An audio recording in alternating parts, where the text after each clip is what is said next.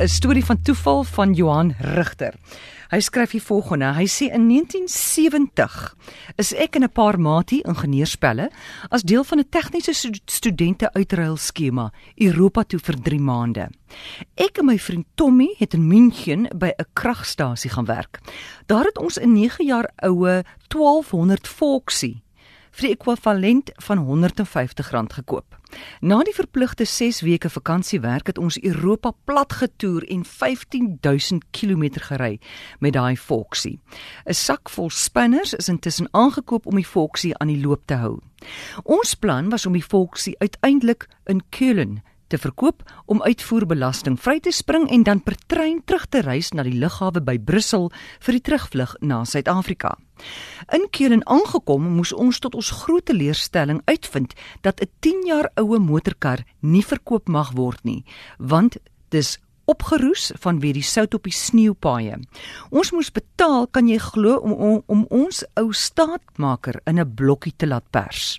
Ons besluit toe net daar om Brussel toe te ry, die Volla se nommerplate af te haal en hom gratis by die lughawe te los.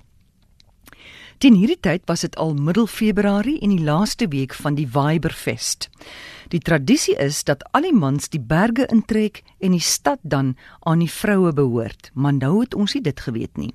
Na die kar episode was ons redelik dors en besluit om ons probleme met 'n biertjie in die stad te gaan vergeet. Niks vermoedend gaan ons in by 'n winkel.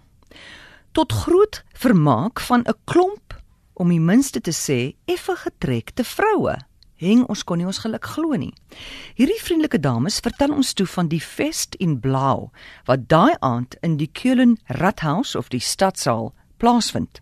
Almal by die dans moet in blou geklee wees en moet 'n masker op hê en die maskers mag eers teen dagbreek afgehaal word.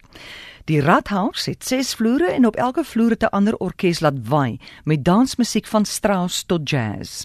Die Duitsers het behoorlik die Weiberfest gevier. Op die groot trapstelle het mense gesit en gerus wanneer hulle moeg gedans was en ons het van vloer tot vloer en die gemaskerde Duitse meisies se dansvernuf beoordeel. Teen 11:00 se kant vra ek een wat sommer net reg gepas het. Eers dog ek hy praat hier van 'n masker, maar toe besef ek is 'n meisie. Hoor net hier. Hy sê ons dans dat die bissies bewe en stal ons beste Duits teenoor mekaar uit. Die meisie merk later toe dat ek Duits met 'n aksent praat. Toe sy hoor dat ek 'n Suid-Afrikaner is, vind ek ook uit dat ehm um, sy rekenaarwetenskap by Wits geswat het en 'n kontrakpos by Alfa Romeo in Milan aanvaar het.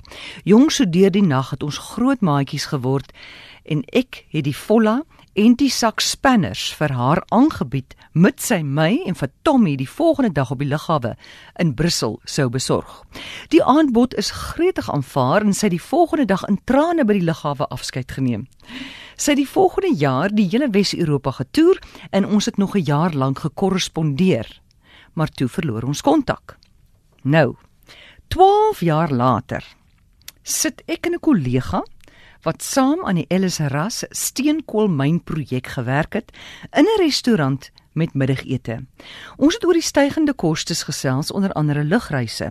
Ek noem toe dat die groot verskil tussen 1970 en 1982 se pryse My kollega merk toe op dat hy ook in 1970 Europa toe gevlieg het, maar sommer suur word as hy daaraan dink.